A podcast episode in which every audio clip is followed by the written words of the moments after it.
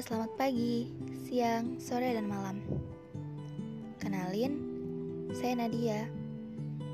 Sebelumnya saya mau berterima kasih untuk semua telinga yang mau dengar suara saya. Semoga suka ya. Pulang. Menurut kalian, apa arti kata pulang itu sendiri?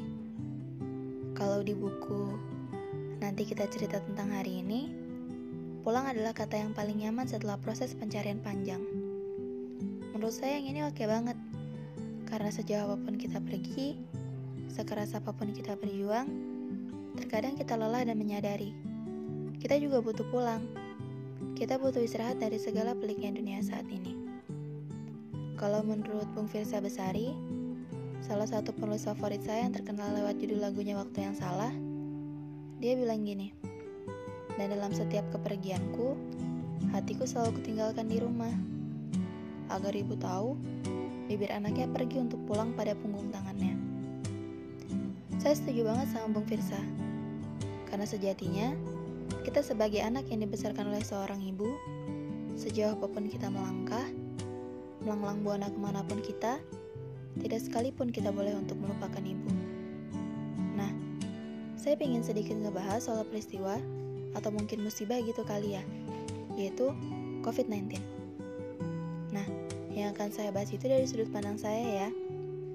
Menurut saya, nggak selamanya kok COVID-19 ini jadi monster bagi kita semua. Ya emang, gara-gara dia, satu dunia ini jadi berduka. Saya paham kok walaupun gak ngerasain gimana feelnya kalau ada orang yang terdekat kita itu kena virus ini. Berarti kalau misal hari ini dia dinyatakan positif COVID-19, hari ini juga kita terakhir lihat dia. Tanpa boleh dijenguk, Bahkan kalau nyawanya nggak selamat, kita nggak boleh lihat dia buat yang terakhir kalinya. Apalagi beli tempat pemakamannya. Saya paham kematian karena COVID-19 ini sangat berat buat keluarga yang ditinggalkan. Kembali ke yang tadi, COVID-19 gak selamanya kok jadi monster menyeramkan buat kita. Walaupun memang kita semua pasti gak mau kena virus ini. Tapi yang kita hindarin tuh bukan orangnya, tapi ya virusnya. Jadi kadang saya sedih banget kalau saya baca-baca gitu di salah satu sosial media. Ada ceritanya itu orang ini kan perawat. Terus dia diusir dari kontrakannya karena warga sekitar takut mereka kena COVID-19. Iya, saya tahu mereka semua takut. Saya juga takut. Tapi yang kita berantas ini virusnya, bukan orangnya. Lantas di mana hati nurani mereka melakukan itu? Si perawat mempertaruhkan nyawanya untuk mereka untuk kita.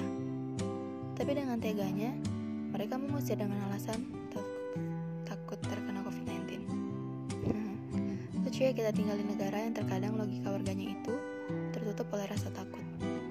Pesan saya, kalian semua jangan begitu ya. Yang kita berantas adalah virusnya, bukan orangnya. Please jangan panik berlebihan, apalagi belanja dengan jumlah yang cukup banyak dan membuat sesuatu itu jadi langka. Lantas kalau sudah langka, bagaimana tenaga medis yang mau menolong kita. Semangat dan terima kasih kepada tenaga medis yang mau mempertaruhkan nyawanya demi kita semua. Mereka di rumah sakit untuk kita, kita di rumah aja ya untuk mereka. Untuk sekarang sih, stop ngebicarain virus ini kalau memang sudah gak nyaman.